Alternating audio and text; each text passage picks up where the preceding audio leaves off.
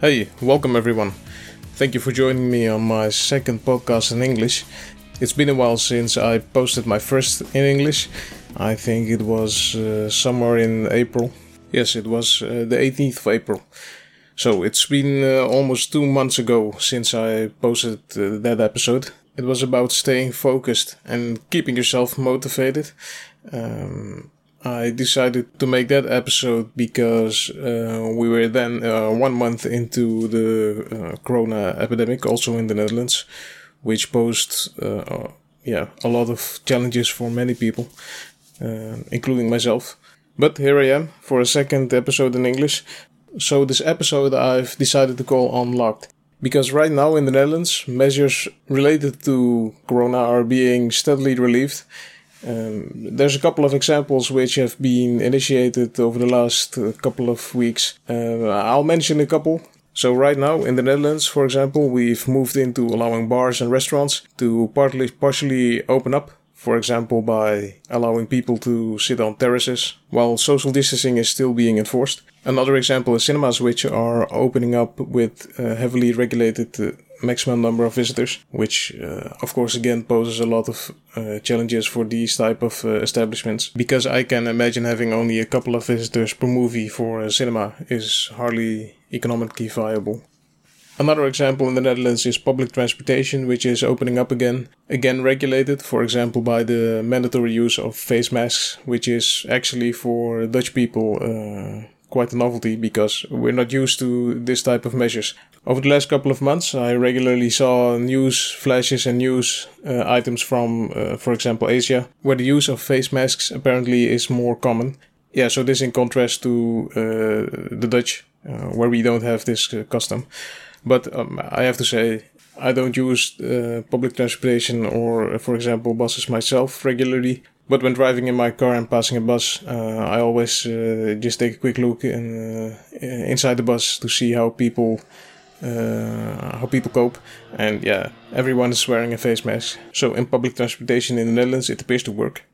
So for the remainder of this uh, episode, um, before diving into uh, some of the content, I, I'd like to just tell you what what I'm going to talk about. As I set up my blog and podcast with the goal of uh, sharing my experiences from my from my professional background. This is what I also intend to do during this second episode in English. So in the second part, I will start with uh, giving you uh, a short insight into my professional experiences over the last couple of uh, months during the Corona crisis, and my experiences are from uh, a shipbuilding environment. I am uh, I am a department manager. In our department, we do outfitting and commissioning of new built vessels, and these are sp- uh, specialized vessels. For example, uh, trailing suction hopper dredgers and uh, cutter dredgers. Uh, in the past couple of years, we also built, uh, for example, pipe laying vessels. And the last of those pipe layers we delivered in, I think it was 2015. And then after sharing a couple of my experiences of, from over the past two months, I'd like to tell you something about the developments I, I did uh, in regards to the, the blog, uh, um, the podcast, uh, and also uh, the use of other social social media channels, which I also uh, started up. Let's start with my professional experiences from over the last two months. In the previous episode from uh, the 18th of April, I already gave you some insights into the measures which were being taken at our shipyard, which were quite demanding now we're two months down the down the road, and I'm able to uh, reflect a bit. But before doing this, I'd really like to give a shout out to all people working in healthcare, because also over the last two months, my uh, grandma became uh, more ill, and eventually she passed away. But during this period, I I was able to see and hear from close uh, the challenges which um, people in healthcare have to deal had to deal with and still have to deal with in the Netherlands. But uh, right now the, the, the, the, the crisis situation is has become has leveled out a bit, and uh, actually the number of patients on uh, on ICs is uh, is declining. This is something, of course, everyone likes to likes to see. Again, that period put a lot of strain on uh, people working in uh, in in healthcare. So uh, so that's why I again give them a shout out. So now, from uh, my professional experiences uh, working on the shipyard, I I did not work uh, from home. I spent all my working days over the last three months on uh, our sites, mainly one, because I'm involved in one of the more challenging projects in which I lead a team of uh, production engineers and uh, mechanical site engineers. So that's one of the reasons why I work on site. Another reason is that production activities are actually company critical activities because uh, if we're not on site, production cannot uh, continue and uh, uh the type of projects which are in uh, more advanced stages, yeah, are actually impossible to run. So company critical.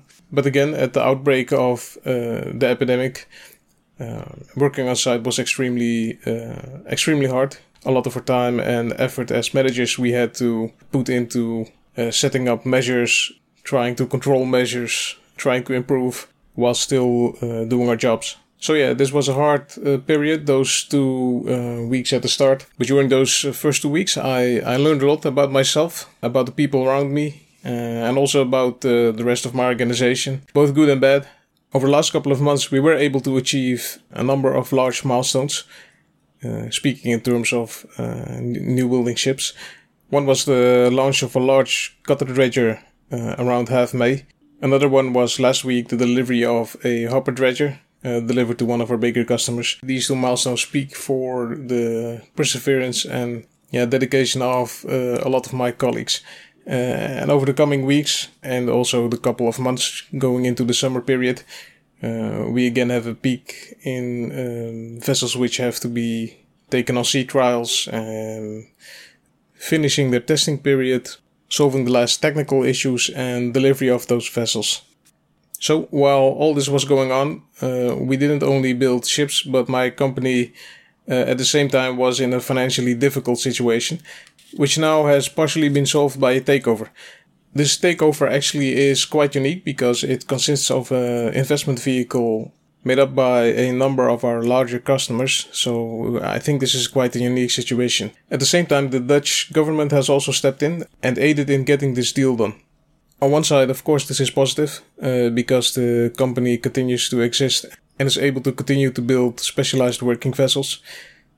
On the other side, it poses a lot of uncertainty for uh, a lot of us. Actually, I think uh, for all of us, because it's uh, no secret that uh, in this kind of situations, and also in this specific one, uh, there will there will be a large scale restructuring. So right now, it's unclear in the way it will continue. Um, and whether it will have an effect on uh, on me personally, which I have to assume it will. But yeah, we'll see. I'm not letting it affect me too much. Now, let's talk a little about my online presence over the last three months. Personally, I think I did a lot. Um, I continued writing on my blog. I started up an Instagram account, which uh, right now is online and is starting to grow. You can follow me on jayant.biz on Instagram. That's J A Y A N T dot biz. Uh, yeah, please give me a follow and check out the pictures I post. So on the side of my blog and website, I think it's matured quite a lot on the side of uh, layout, and my focus for the coming months will be in content planning for the blog. On my blog page, I've also dedicated space to uh, my Instagram feed and, and new podcast episodes, so it's come quite a way. In terms of Instagram, I never really cared too much for it uh, until my uh, wife introduced me to it and really gave me some insights also on the metric side of uh, Instagram because she's a professional in media and I'm a little bit of a nerd like that. So, so I started an Instagram account, which I'm trying to grow a little now. Uh, with regards to my podcast, as you can see, I've produced 10 episodes up until now. This is the 11th. All of them were in Dutch because I'm a Dutch native speaker and and the guests which I had on my show until now are also Dutch native speakers. So it made it easier for me to really start up uh, my podcast. I used the time to achieve a couple of goals with regards to the podcast. First, on the technical side, I really had to get into uh, recording, producing, uh, having the correct instruments to, to produce. So I had to get a couple of uh, microphones to hook up to a PC and it, and to be able to interview guests. I think uh, on on the side of recording and sound quality, uh, having an intro, having an outro. I think I'm at a point uh, on which I'm sufficiently confident to be able to record and produce episodes of sufficient quality. Because while doing research and also talking to my wife, I really became convinced that of course, having content which people like is important, but on the other side, you also have to have uh, you need to have episodes which have uh, a good sound quality uh, because having uh, bad sound quality or too much noise or uh, being incoherent having too much distortion uh, stuff like that may influence whether people like your episodes or not and whether they return for listening to next episodes which of course ultimately is the goal because i like to have people return. Actually my first goal is to have fun myself and the second goal is to have people listen to the to the podcast which apparently I've started to do because I've received cool reactions on uh, the podcast and have been able to connect with new people and organizations. So this motivates me to continue producing the, the podcast and new episodes, which brings me to giving you an outlook for uh, for the podcast and upcoming episodes uh, over the the next months.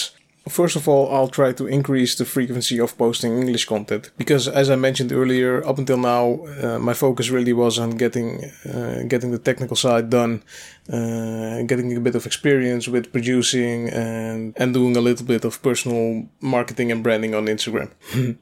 I always also intended to record conversations with specialists from uh, from my professional background, which I will do in the coming months.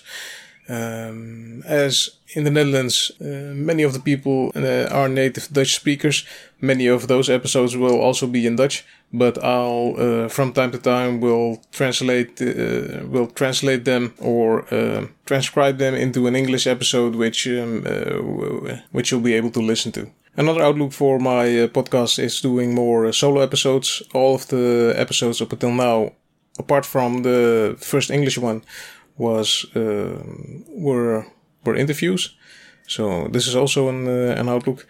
And I'm planning to make available a downloadable flyer of my first English episode, Staying Focused and Keeping Yourself Motivated, which I'll also announce on uh, on my Instagram channel. And lastly, for the next upcoming English episode, I'll reflect on my work career and work ethic up until now, using insights I got from the recently released miniseries The Last Dance about Michael Jordan's career. So I think this will provide a nice twist uh, in the podcast episodes which I produced up until now. Well, time flies when you're having fun. This brings me to the end of this episode.